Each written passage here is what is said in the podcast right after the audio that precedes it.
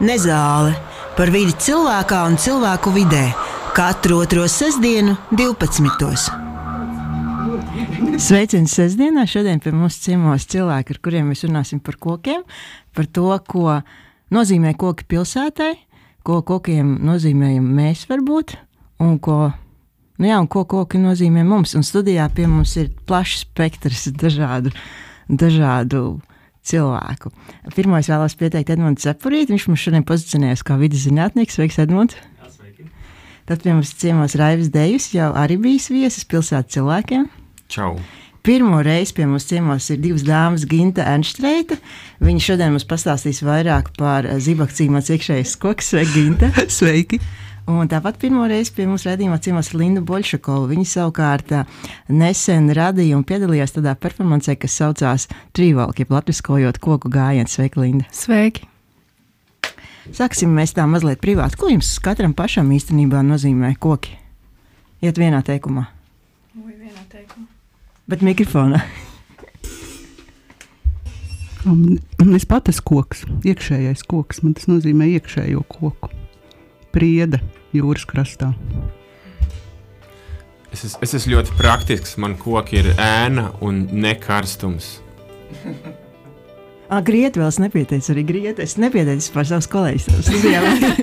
Tāds sīkums studijā vēl ir Grieti Savicka, viņa lasīs nezāles ziņas, Digis Taurīts, mūsu mūzikas guru, un es, Sanita Rīvēnis, turpināšu ar jautājumiem. Tātad, Grieti, tu vari teikt, vai arī padot tālāk Edmundam. Nu, koki ir kaut kas uh, gan noderīgs, kā, gan skābeklim un svaigam gaisam, gan tāpat tas arī vizuāli ļoti skaisti. Un arī ēna, jā, vasarā tas ir svarīgi šajā karstumā.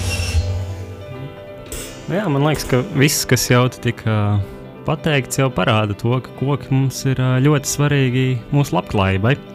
Un tā varbūt ir tāda sadaļa, ko mēs ikdienā aizmirstam, ja mēs par kokiem nemaksājam neko. Viņi mums dod visus tos labumus tāpatās. Un tikai tad, kad koks nocēra, tad mēs pamanām, ka kaut kas nedaudz pietrūkst. Un, un man liekas, ka ir ļoti plašs tiešām tas spektrs, ko koki mums dod, piemēram, mežos, ārpus pilsētām, ar dažādām dzīvotnēm, un, un, un ogām un sēnēm, kas mums ir ļoti svarīgas. Un, un tad, protams, pilsētās, kur mums ir daudz ā, piesārņojumu un citu tādu lietu, kuras ā, koki arī tā pilnīgi par brīvu mums palīdz ā, um, mazināt, palīdz dzīvot mums labāk. Man liekas, koks saistās ar, uh, ar elpu un to, kā mēs ar viņiem uh, miedarbojamies un savstarpēji reciprocējamies. Tas ir, nezinu, vai Ko, ko latviešu tas nozīmē latviski? tā kā savstarpēji miedarbojamies ar, caur, caur to elpu, tā kā tādā ciklā, simbiozēm, varētu teikt, arī. Jā. Un uh, varbūt tā kā līdzīgi gintēs, laikam esmu egle. Man iekšējais koks ir egle, jo arī ģimenes mājas sauc eglītes, un tas ir tas mūsu tāds uzvārds un koks.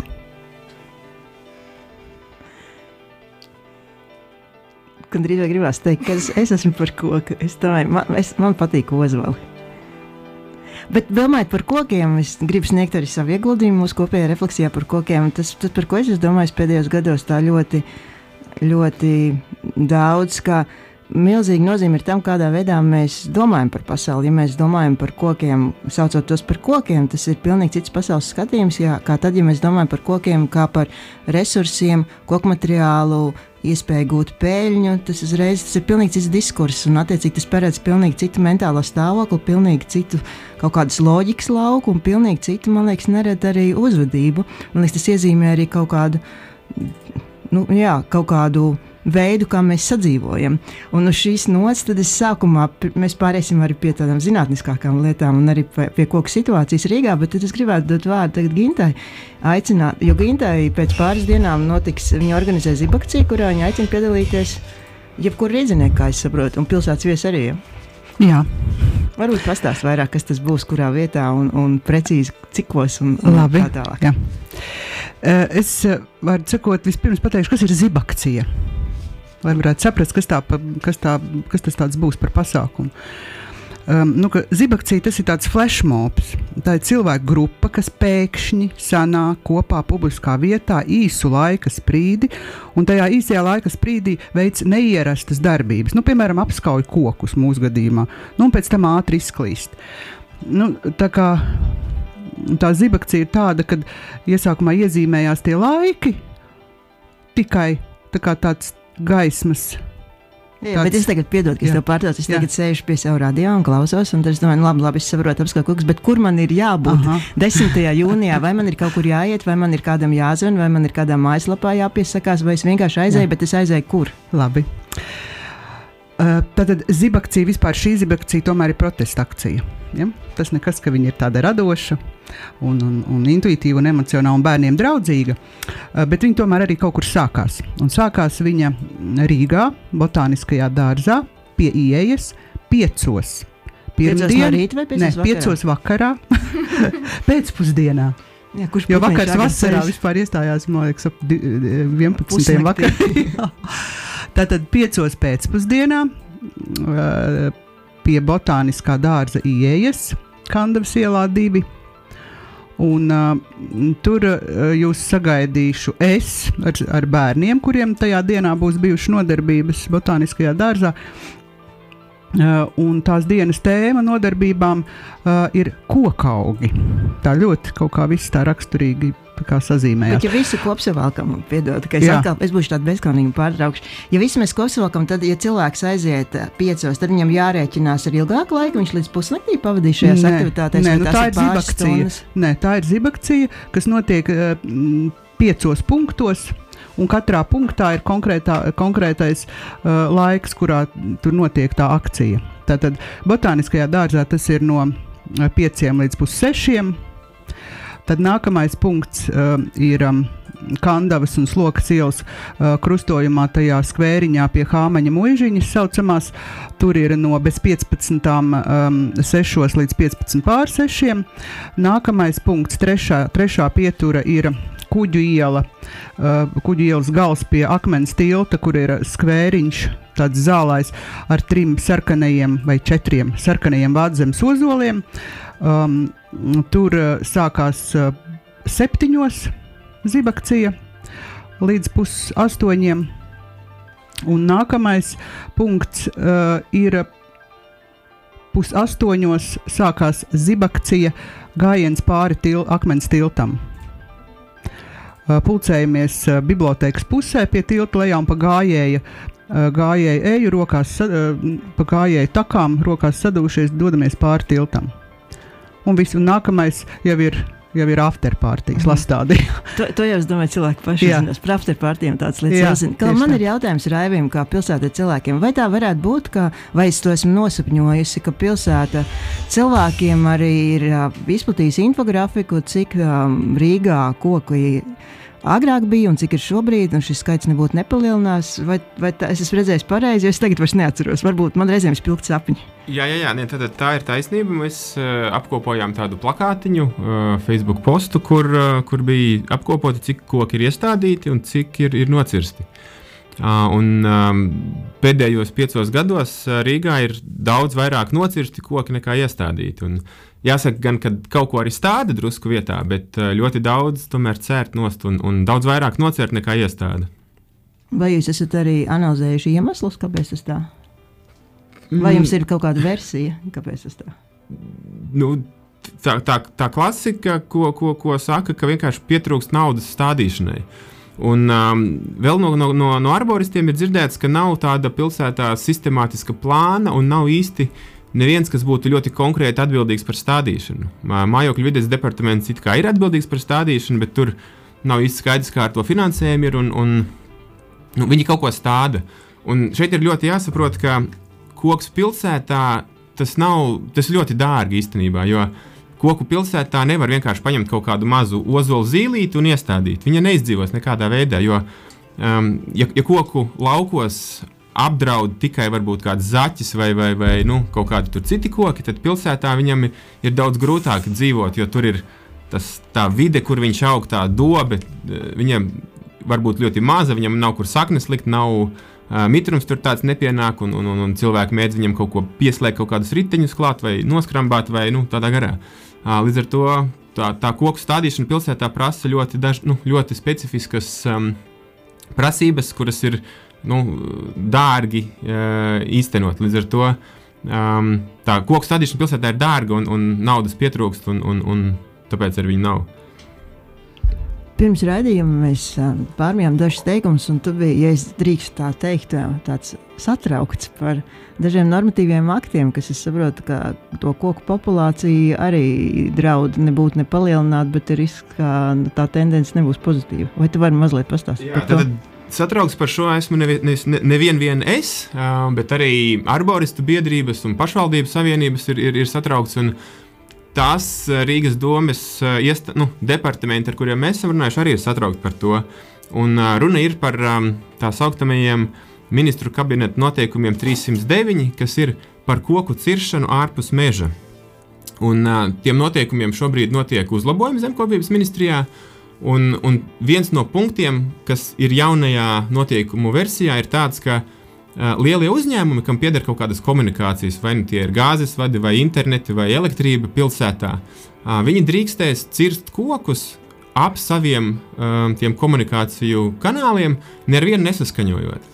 Un visas iestādes, kas ir atbildīgas par stādīšanu un kaut kādām saskaņošanām, viņi ir lielā satraukumā par šo, jo viņu iebildumus par to, ka ir jāsaskaņo, vai to koku cirst vai necirst, un, un, um, un nu, ir jāizvērtē, kādas tās, kas, kas ar to lietu notiek.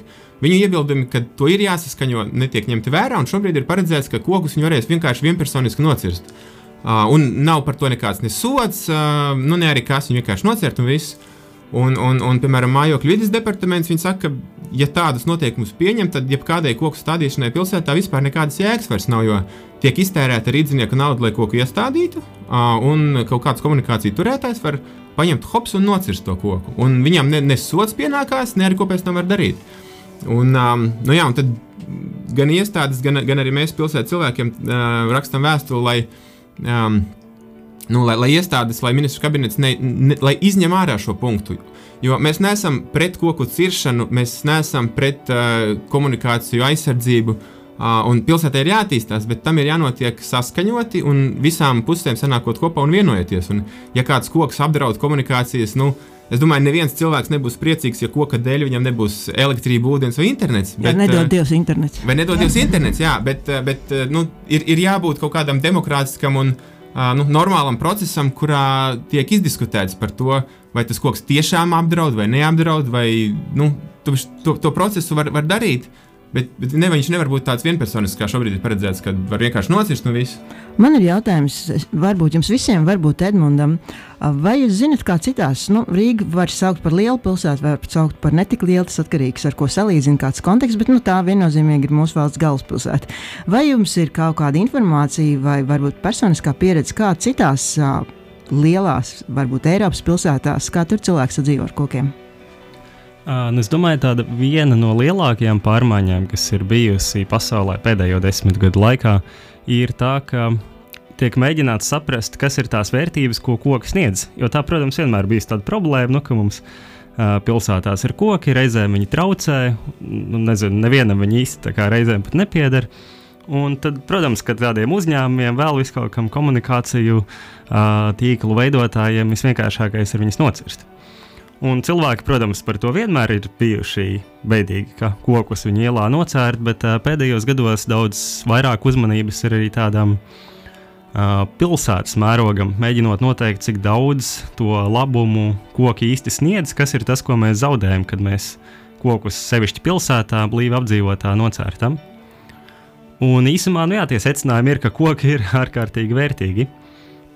Jā, tāpēc, jā, varbūt. Še, šeit es gribu uh, stāstīt piemēru par, par Londonu, kur uh, pēdējos pāris gados ir sākusi iet to pretējo ceļu, ka viņi stāda kokus. Jo viņi um, ir uz, viņi uztaisījuši pētījumus, un tajos pētījumos viņi ir um, sa, izrēķinājuši un ekonomiski aprēķinājuši, kāda ir jēga no kokiem pilsētā. Jo, um, jo, jo, jo no kokiem ir jēga pilsētā, un ieguldīt tos lielos līdzekļus, viņus stādot un laistot un rūpēties par viņiem, tas beigās finansiāli atmaksājās, jo koki uh, samazina piesārņojumu. Uh, es nezinu, kā bioloģiski tas notiek, bet uh, nu, tā visi eksperti saka, ka koki filtrē ļoti daudz piesārņojumu ārā caur, caur, nu, caur sevi, un tad mēs beigās visi dzīvojam veselīgākā vidē.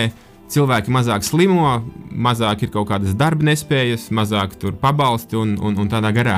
Um, tāpat ēna visās malās, ka tev neuzkarst pilsētu tik ļoti. Un, nav tik daudz jā, jādzesē. uh, dzīvokļi un, un, un, un mājas, lai, lai būtu normāla dzīvošanas vide. Uh, un arī lietus ūdeņa uzsūkšana, lai nav tādi plūdi, kā visās malās notiek, uh, tad, kad ir lielas lietus gāzes. Un, um, nu jā, un arī tām attīrīšanas iekārtām ir mazāk jāstrādā, un, un, un nu, pilsēta dzīvo veselīgāk. Attīrīsimies plaši, iesim muzikālajā pauzē. Esam atpakaļ studijā. Šodien mēs runājam par kokiem. Un, uh, pie mums ciemos ir četri viesi, divas dāmas un divi kungi.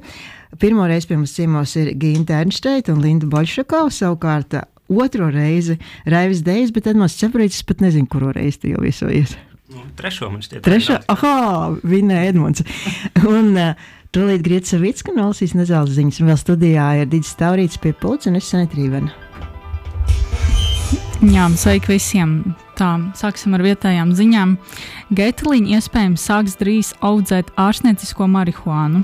Tas viss vēl ir tikai idejas līmenī, taču, kā pauž Geitliņa eko valdes priekšsēdētājs, tās audzēšana dotu lielāku atdevi nekā tomātu un gurķu audzēšana. Studijā smiekli. Viņš norādīja, ka papildus darbības veidus uzņēmums meklē, jo atkritumu pārstrādes procesā rodas enerģija, kur citādi nav kur izmantot. Šīs iegūtās enerģijas dēļ viņi ir uzcēluši gurķu un tomātu siltumnīcas un tagad plāno marihuānu audzēt. Nesen Getliņos viesojušies eksperti no Dānijas, kur iepazīstināja ar ārstnieciskās marihuānas audzēšanas iespējām. Lai gan Latvijā medicīniskās marihuānas aprite nav atļauta, Eiropas komisija ir, aicin, ir aicināta izstrādāt ārstnieciskās marihuānas legālas aprites nosacījumus. Tā. Tagad um, drusciņi. Marihuāna, jā. jā, bet par Amsterdamu. Amsterdamas pilsēta ir izvēlējusies interesantu veidu, kā cīnīties ar turistu pārslodzi, jeb situācijām, kad kādu no turista, turisma objektiem pārpludina turistu grupas, liedzot tām piekļuvi. Pilsēta ir laidusi klajā mājaslapu ar nosaukumu Untourist Guide to Amsterdam, jeb Amsterdamas netūrisma ceļvedis, kurš aicina apmeklētājus novirzīties no ierastajiem turisma ceļiem un izmēģināt citādākas aktivitātes kādā no mazpazīstamajiem pilsētas rajoniem. Viena no tādām pieredzēm ir From Trash to Treasure, jeb no atkritumiem līdz bagātībām kur turistiem tiek piedāvāta iespēja pavadīt pāris stundas, lipinot kopā Amsterdamas suvenīru no pilsētas atkritumiem. Cita no neturisma izklaidām, izklaidēm ir nezāļu randiņš, kur uh, turistiem tiek sniegta iespēja pavadīt trīs stundas kādā no pilsētas parkiem, ravējot nezāles un iegūstot jaunus draugus starp pravētājiem. Ceļodī šis, e, šis pasākums aprakstīts kā viens no pazemīgākajiem veidiem, kā iepazīties ar jauniem cilvēkiem. Pasākuma cenā Tātad jums vēl par to ir jāmaksā. Pasākuma cenā iekļauts arī velobrauciens ārpus pilsētas, abola kūka un kafija.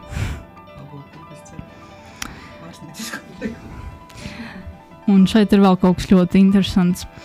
Um, klimata pārmaiņām kļūstot vēl aktuālākām Zviedri, kas ir visaktīvākie avio pakalpojumu izmantotāji pasaulē ir nākuši klajā ar jaunu vārdu, kurš iedrošina cilvēkus atteikties no lidošanas. Zviedriski tas skan flikskam, jeb latviešu lidot kauns.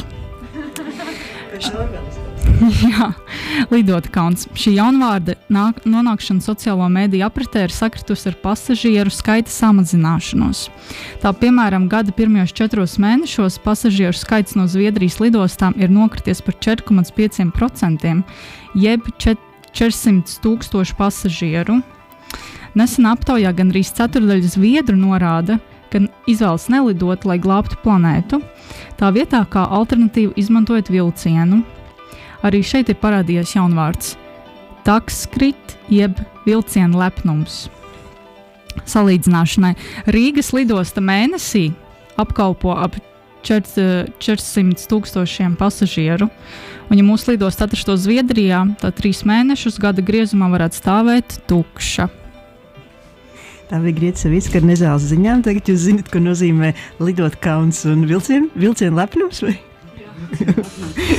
lepnums. Latviešiem vienmēr ir rīzniekiem bijis vilciena lepnums, vai ne? Ir mums viena viesne, kas vispār netika pie vārda pirmajā daļā pirms muzikālās pauzes, un tā ir Linda Bolšakova. Varbūt, lai tev pieteiktu, pastāst mazliet vairāk pirms dažām dienām. Pirms dažām dienām tu bija gan organizatori, gan arī dalībniece kādai performancei, kas saucās Koku gājiens, Trīvalka. Kā, ka, kas tas bija par pasākumu, kā tu nonāci pie šīs domas un kā tas izpaudās? Nu, jā, tas īstenībā notika, manuprāt, jau divas nedēļas atpakaļ. Tas notika No New Idols, uh, Telniecības kvadrināls ieskaņas festivālā, kas bija performances festivāls.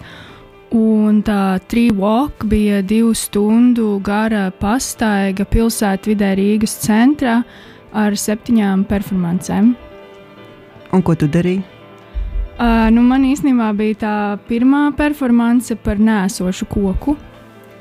Um, Tu klusumi pauzi. kā, kā tas izpaudās? Tu vienkārši nebiji. Vai? Man bija tā, ka mēs, uh, man bija galvā um, bērnu vainags, kas bija no eglēm. Uh, veidots tāds liels vainags un melns plīvurs virsū. Tad es sagaidīju performances uh, dalībniekus, performances to cilvēkus, kas ir ieradušies performanci. Un tad uh, mēs ieturējām nelielu pauzi pie, uh, pie nēsoša koka, pie vietas, kur var redzēt, ka ir bijis koks, bet viņš šobrīd vairs neeksistē. Tur vairs nav.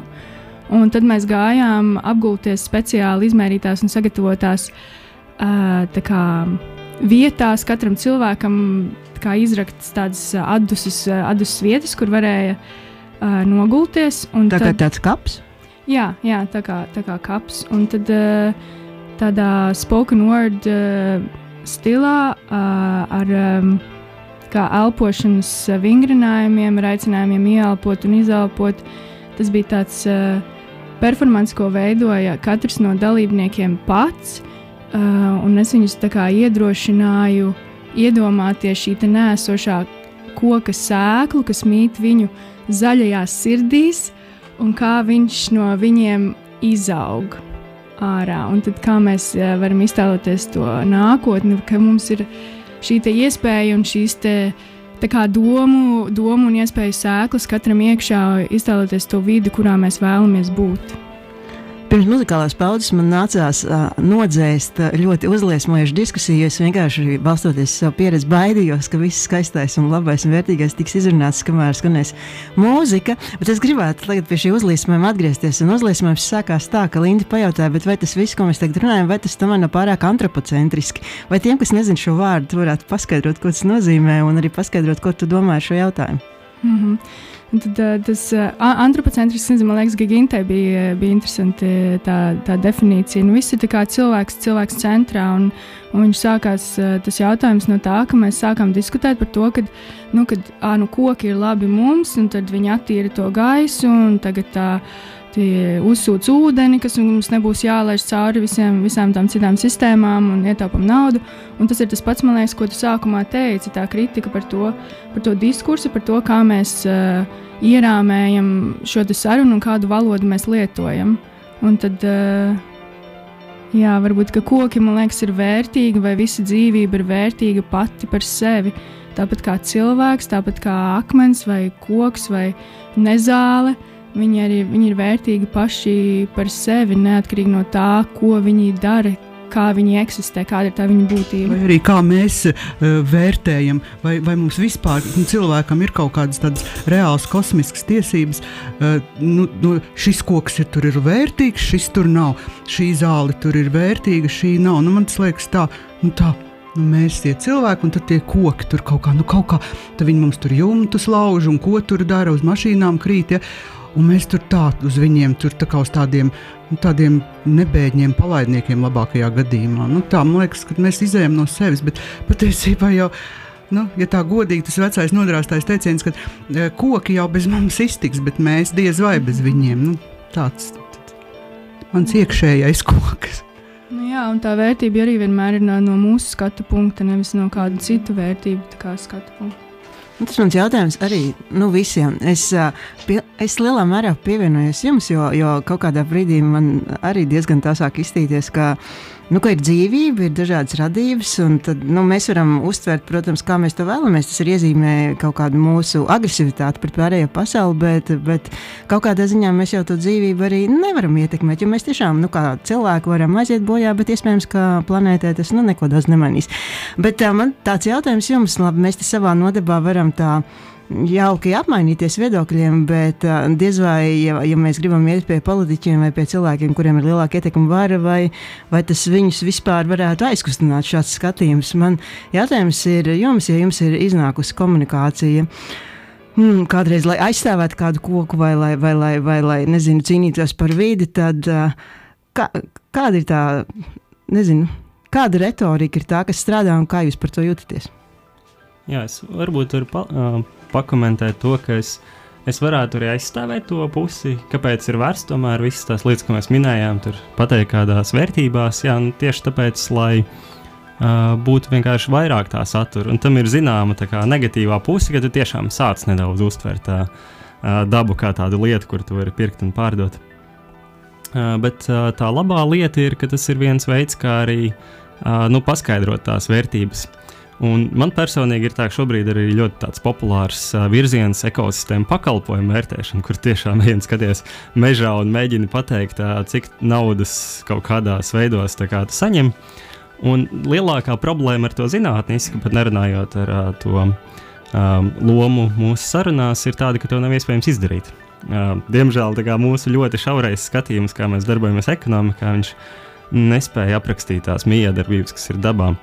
Bet, ja atgriežas atpakaļ uz to pilsētu pusi, tur tomēr ir nedaudz labāk. Jo nu, pilsētas ir ļoti tādas cilvēku pasaules, tā kā pārsvarā tie tie tādas cilvēku ekosistēmas. Jā, tās, tās dabas miedarbības tur ir daudz vairāk pazudušas, un arī cilvēku lēmumos ir nu, daudz vairāk dominē nauda. Nekustamais īpašums ir dārgāks, un, un, un vienmēr ir daudz grūtāk tur uh, ieiet ar kādiem citiem uh, viedokļiem. Un tādā ziņā nu, tā, uh, visu to tādu tā kā, ieguvumu uzskaitīšana un salikšana tādā uh, pamatotā sadaļā, man liekas, ka ne obligāti ir arī antropocentriska, jo mūsu miedarbības ar dabu ir kaut kas, kas ir mums ļoti svarīgs. Uh, un vienlaicīgi viņi ir arī pārliecinoši ārpus nu, tā tā, tā, uh, Viņi ir ļoti pārliecinoši arī skatījumā, kurā dabai pašai par sevi nav vērtības. Jo, piemēram, viens liels koks, ja paskatās cilvēku nāvēm, ko tas novērš, ja paskatās tā pašām nekustamā īpašuma cenām, ko tas dod, sniedz apmēram tādus nu, ļoti aptuvenus skaitļus, bet nu, tīri izpratnē ap 100 eiro katru gadu. Tā kā jums ir pie mājas kāds liels koks, tad jūs saņemat katru gadu ap 100 eiro dažādos veidos, vērtībās, kuras jūs nepērkat. Un, ja jums ir uh, 20 koki, tad jā, jūs uh, ļoti, ļoti daudz uh, saņemat. Un šī, man liekas, ir tā svarīgā daļa, kuru um, mēģināt kaut kur nu, pateikt cilvēkiem, ka tas nav. Um, Nezinu, tas nav tā, ka vienkārši tā jānotiek, ka lielus kokus ir jānocērt tikai tāpēc, ka tur ir kaut kādas nelielas nērtības, kas tur pēdējie varianti bijuši, lai ērtāk iebrauktu stāvlaukumā. Uh, tādas visādas veidas, jo nu, patiesībā tās vērtības ir ļoti lielas, kuras tiešām konkrētiem cilvēkiem, kas tur dzīvo, tiek atņemtas tādēļ, lai dažiem cilvēkiem, kam pieder tas īpašums, nu, viņi varētu dabūt sev ļoti minimāls, minimāls iegums. Un turklāt arī nocērtotos kokus un jaunas iestādot vietā, tas vērtību zudums joprojām ir milzīgs. Kā jau minēja, jā, kamēr koks izaug, ir vajadzīgs laiks, un liels koks sniedz daudz vairāk visādu vērtīgu lietu mums nekā, nekā mazāki. Es gribēju teikt par, eh, par to koku vērtību. Eh, es dzīvoju posmā uz bruņinieku ielas starp avotu un čaka, un tur nav neviena koka ielas malā. Savukārt manā pagalmā ir divi ozoli. Viens ir centrā. Nevar redzēt viņus no ielas. Savukārt otra puse ir tāda, ka īpašnieks visu laiku tiek, viņā, uz viņām tiek izdarīts nenormāls spiediens. Tāpēc, ka tur grib visi likt tās mašīnas, tie vietējie iedzīvotāji. Bet nu, viņas, nu, tā kā nē un tas spiediens ir nenormāls. Bet, eh, Bet es nezinu, es, protams, neesmu runājis par šo aspektu ar saviem kaimiņiem, bet, um, nu, bet tas, ka tie, viņi aizēno vasarā, ja tur eh, to pagalmu, un ka tur tās zīles krīt, nu, tas par divi, tādā mazā, mazā, mazā pagalmā ir divi ozoli. Tas man liekas, vai vispār, nu, wow! Ja? Nu jā, varbūt tad es at atvilkšu to atpakaļ pie uh, politiķiem, pašvaldībām un visām iestādēm. Un, uh, un teikšu tā, ka um, tie cilvēki, ar kuriem mēs esam runājuši kaut kādās iestādēs, viņi jau intuitīvi saprot to, ka koki ir jāstāda. Viņi ļoti daudz arī, nu, kas ir atbildīgi par koku stādīšanu, viņi ļoti daudz grib stādīt kokus, un viņiem ir visādi plāni, kā to darīt. Uh, un man liekas, ka tagad ar to pēdējā laika akcijām, kur cilvēki, varbūt vienīgais tas ir manā burbulī, tā ka cilvēki saka, hei, vai kokus, kāpēc nav koka, kas notiek.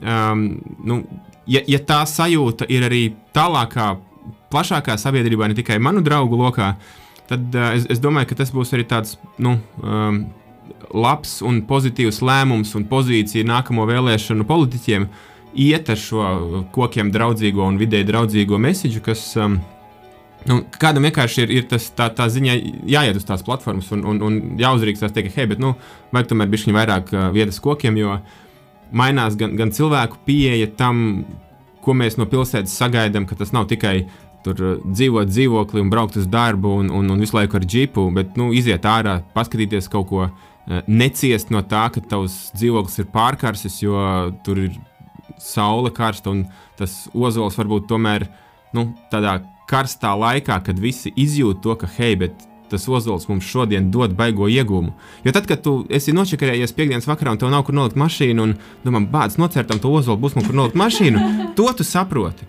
Bet tajā brīdī, kad ir karsts, ir, ir nu, kā, 30 grādi ārā un, un tu vienkārši svīsti pliks esot. Tajā brīdī vajag atgādināt, o, oh, baigi forši, mums ir koks. Šeit ir drusku vēsāk nekā tur blakus ielā, kur ir ielikās nu, stipri karstāks. Un es uzbēru zemi mazliet virsū, lai tam kokam tās nobrauka, ar, ar auto nobraukātās saknes tomēr neciestu tik ļoti, ja, kad, lai viņš to ēnu vēl ilgāk man dod. Un šo tēmu mēs varētu izvērst pēc nākamās muzikālās pauzes. Protams, mēs varētu parunāt, ko mēs kā cilvēki varam dot kokiem pilsētām.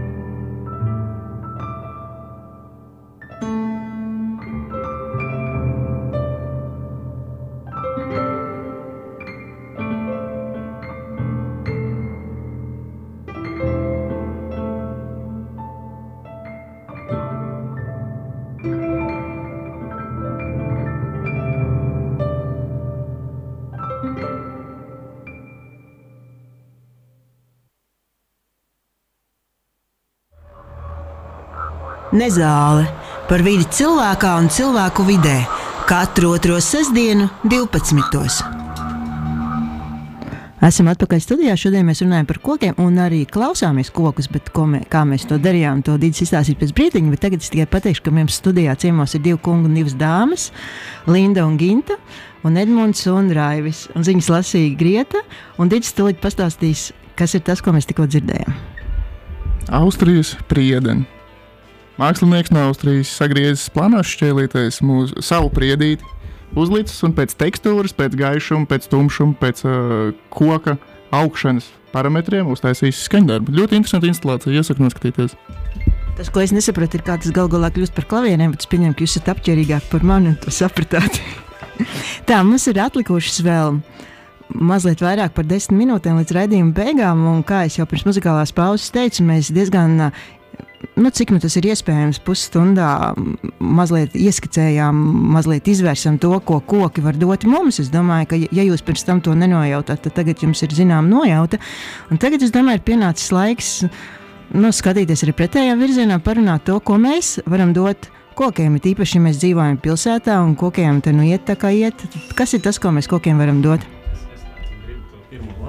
Pirmā lieta ir neapdraudēt kokus, ko mēs vairāk darām ar sāli um, kas uh, ļoti, nu, tad, kad mēs ziemā kaisām sāli, tad uh, viņš parasti paliek turpat augstnē. Un tas ir ļoti liels uh, papildus stress kokiem, kam jau tā ir jātiek galā ar daudz piesārņojumu, daudz citu. Un uh, tādas um, drīz, ja būs vēl sausa vasara, varēs redzēt tādas apkaltušas uh, maliņas lapām. Tas ir saistīts tieši ar to. Un, nu, jā, ņemot vērā tos iegūmus, atkal, ko mēs te daudz minējām, uh, nu, mums nevajadzētu tos kokus tā apdraudēt. Un, protams, tur ir daudz citas lietas. Bieži vien mēs nocērtam visus kokus uh, tur, kur varētu vismaz daļu atstāt, ja arī ir kādi bīstamības riski. Un noteikti parkos, ka mēs varētu arī koku nociršanas vietā uh, padomāt, kā atrisināt to, kas saistās ar drošību. Nu, ka kādā brīdī tur uh, koki varētu nogāzties virsū cilvēkiem, tam ir daudz citi risinājumi nekā tikai visu koku nociršana. Par to sēlu varbūt tu vari mazliet sīkāk. Kāpēc kokiem no tā ir stress, kāds izpaužās? Nu, principā vienkārši sāls, kas atrodas augsnē, galu galā koki visas savas barības vielas uzņem no apkārtējās augsnes. Un, nu, kā jebkuram augam, um, sāļš, uh, ūdens vai pārāk liels sāls ir, ir problēma. Kas, viņiem... kas tad notiek ar koku, ja pārāk sadzerās sāli? Uh, nu, principā viņiem vienkārši ir, labi, es detaļās uh, nezinu, bet nu, principā tas vi, viņu. Um, teiksim, sistēmā darbojas kā piesārņojums, kas viņiem tad ir kaut kādā veidā jāneutralizē. Vai nu ar, nu, jā, tas, tad, tad man būtu jāpaskatās, kāda zinātniska raksts, kā precīzi tas notiek, bet vienkārši viņi kļūst daudz trauslāki, neaizsargātāki. Nu, līdzīgi kā ja mēs ēstu neviselīgu pārtiku visu laiku tikai. Jautājums, tad to sāli var redzēt, piemēram, vasarā, kad ir apkaltušas tās maliņas lapām, bet es biju domājis, ka tas ir vairāk gaisa piesārņojuma dēļ. Labi, man būs jāpaskatās, tur zinātnē. Edmunds vakarā studēs par ko ir, ir, ir, ir tādi, kas ir plankumi, kas norāda uz um, piesārņojumu ietekmi. Man šķiet, ka ozons vairāk ietekmē tos plankumus, bet tās, kas ir apkārtējās maliņas, ja es nekļūdos, vairāk saistās ar saules piesārņojumu. Nu, katrā ziņā tas tikai parāda to lielo spektru, kur mēs. Nu, Uh, par mūsu kokiem īpaši nedomājam, kad mēs rūpējamies par pilsētas infrastruktūru. Uh, Un ņemot vērā, cik tie koki ir svarīgi, mums droši vien vajadzētu daudz vairāk nu, padomāt, kā tas piesārņojums tomēr būtu, būtu samazināms, lai kokiem ir dzīvot vieglāk un galu galā mums nebūtu tik daudz jātērē katru reizi stādot jaunus kokus un tad tiekot galā ar tiem jauniem kokiem, kas nespēj izdzīvot. Vienkār, mēs vienkārši lēni noindējam to koku, tā saprotu. Bet uh, es par tām saknēm arī, nu, kā, kad ir tā iniciatīva Brasas uh, apkaimē, kur viņi uh, ar augsni apber koku saknes, jo pilsētā jau tomēr mēs nostaigājam tās saknes, un, uh, protams, arī mašīnas tur stāv, stāvvietās, tur viņas nobraukā. Un, Un arī tas ir tas, ko mēs varam darīt. Nu, paši katrs pats vienkārši paņemt augsni, vecās lapas, uh, uzbērt uz saknēm, uzbērt augsni. Un, un vienkārši, nu, labi, tur kāds novāks viņas. Nu, un, Vienalga. Es vienkārši uzbēršu tās lapas un augstu. Es zinu, ka tam, tam saknēm, tam kokam pašam viennozīmīgi būs labāk. Un, un tas ir tas, man liekas, arī ko. Ja mēs domājam, ka mēs neko nevaram darīt, mēs varam darīt. Nu, tā. lai nav amplitūda pieķēdēšanās pie, pie, pie koka, tad ir uz saknēm augsne. Un, uh, es uh, arī piekrītu tam, ka mēs varam kaut ko darīt. Un, manuprāt, viena laba lieta, ko mēs varam darīt, mēs varam dot uh, nu, uzņēmējiem un, un dažādiem lielākiem spēkiem uh, visādus pareizos signālus. Un viens veids, kā dot pareizu signālu, ir vai nu Twitterī, vai kaut kādās tādās uh, atsauksmes kastītēs pateikt, forši, jūs uztaisījāt ļoti foršu pie, vai nu pieturu, vai kaut kādu parciņu, vai vēl kaut ko. Un tad šī brīdī es gribu pateikt paldies Krasta ielas depo, ka viņiem pie viņa um, pie, pie viņu autostāvvietas ir koki sastādīti. Ļoti forši, es gaidu, kad viņi izaugs lielāki. Man ir daudz patīkamāk uz šo depo braukt, un, ja man būs jābrauc, es labāk braukšu uz turieni nekā uz kaut kādu citu. Uh, un, un, un otrs uh, līdzīgs signāls varētu būt tieši pretēji, kad, ja jūs redzat kādā vietā, kur vai nu tie koki necienīti, vai, vai kaut kas tiek, uh, nu, varētu būt koki, tad um, daudzās vietās ir visādas atsauksmes kastītes un ēpasti atsauksmēm un tādā garā. Vienkārši jāsaņemās un jāuzraksta, ir, kad, kā būtu, ja pie jums būtu koki, vai kā būtu, ja pie jums būtu kaut kādas puķis iestādītas. Un, um, nu, ja pāris cilvēku uzrakstīs, tas varbūt būs tāds signāls kaut ko ieviest. Linda, tu vēl neizteiksi neko. Par uh, to, ko mēs varam dot kokiem. Um, nu, Es nezinu, es tā kā vairāk personīgāk domāju, un uh, man ir grūti teikt, ko es varētu dot tam, tam kokam, piemēram, pilsētā. Tā personīgi, nu, labi, Ginta pateica par tām saknēm. Un es viņam varētu dot kaut kādu apskāvienu, vai tā, tā mana elpa. Es ceru, ka viņam arī noder viņa procesos, un kad, uh, ka viņš tā kā dod to arī atpakaļ.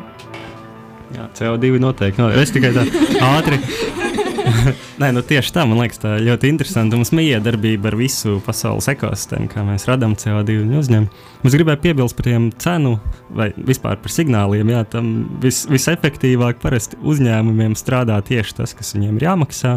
Un man liekas, ka mums vajadzētu prasīt to, ka ja no kādas kopienas atņem vērtību, kas ir vērta īstenībā liela koka pat vairākus simtus eiro gadā, un viņš varētu dzīvot ar 20 gadus, tad sareizinām 20 ar 200, un šī ir tā uh, cena, kas tev jākompensē apkārtējai kopienai, ja tu gribi šo koku nocirst. Un, man liekas, tur svarīgais nav tā maksāšanas daļa, bet tikai tas, ka parādīt, ka šis nav kaut kas, kas nu, neatstāja nekādu ietekmi. Un, protams, ka tur, tur uzreiz atradīsies ļoti daudz risinājumu, kā labāk piebraukt tām autostāvvietām. To palīdzēšanu kokiem man liekas, ka eh, nu, ir jāpalīdz vispirms vienam otram to informāciju nodot. Tā tīklošanās, ko man ieteica viens jaunais zinātnieks, atomfiziķis, eh, par tīklošanos sakarā ar uh, zibakciju, mans iekšējais koks, kad var notikt tīk, kā, informācijas apmaiņa un starp pilsētām. Tāda tīklošanās, nu, kad Te mēs Rīgā taisām tādu zibakciju, tad kādā Daugaupilī vai vēl kaut kur. Piemēram, tādā nesen uh, viens iedzīvotājs no Mežciem saka, ah, internetā, Facebookā, ārprāts, kā mums šobrīd vajadzētu šitādu zibakciju, mans iekšējais koks. Un es viņam piedāvāšu tīkloties, nu, lai viņš Viņi paši to var izdarīt. Tiem, kas nav dzirdējuši raidījumu sākumu, tad varbūt trīs vārdos tā īsumā. Zibakcija notiks 10. jūnijā. Tā ir kas tā diena, pirm, pirmdiena? Tā ir pirmdiena, pirmdiena pirmdienas vakars, vakarā. Jā. Un cilvēki iet uz kurieni? Cilvēki nāk piecos uz uh, LU botānisko dārzu Kandavas ielā divi. Un, uh, tur notiks radošā darbnīca, un arī tiks izstāstīts par zibakcijas pieturām, kurās pilsētvidas vietās būs tās pieturas. Un tad uh, viņi zinās, uz kurieni iet. Ja gribat zināt vairāk, var gal galā taču arī Facebook meklētāji ierakstīt mans iekšējais koks, jā. un tad parādīs uh, pasākumu, un tur arī būs apraksts un laiki, un gan jau arī kontakti. Jā. Lai gan zibakcijā kontakti nav nepieciešami. À, nu skaidrs, tad vienkārši ejiet, ejiet uz botanisko dārzu un atgādiniet pie mums šodien. Raidījumā mēs runājam par kokiem. Ciemos bija divi kungi un divas dāmas. Edmunds Cepurīts, vidus zinātnieks, Raivis Dejas pilsētas cilvēkiem Ginta Enštreita, Zibakcijas mans iekšējais koks pārstāv, un uz visi esat aicināti pirmdien, un Linda Bošakova, Trivalka dalībniece. Studijā bija arī Grieķis Savits, kā ar nezāles ziņām, Digis Taurītis ar mūziku un Sanita Rībina ar jautājumiem. Un iesim atkal muzikālajā pauzē, bet Ginta kaut ko rāda, kaut ko rāda. Ā, mums bija arī viesis divas zaļas radības, kuram vienā mēs zinām nosaukumu, otram nezinām, ja? Kas ir tas viens? viens? Nu, šī ir Gerānija, Smaržīgā ģerānī. Savukārt eh, šis ir kāds koks. Es nezinu, tas ir kā ar, arborētuma ietveros, man uz palodzes izaudzis. Vai nu tā ir ābele, vai nu tā ir bumbiera, vai nu tas ir, eh, ir aprikoze. Es nezinu. Uh, uh, man vienā brīdī likās, ka tā, tas ir pipars, bet tad es sapratu, ka divus gadus viņš nav neko darījis. Tad pipars tas nav. Viņš sāk pārkoksnēties. Tas ir kokauks, bet kāds tas ir nezināmais kareivis. Kokauks. Tad studijā arī nezināmais kareivis un arī, um, arī ģerānija. Nu, tad uz tikšanos!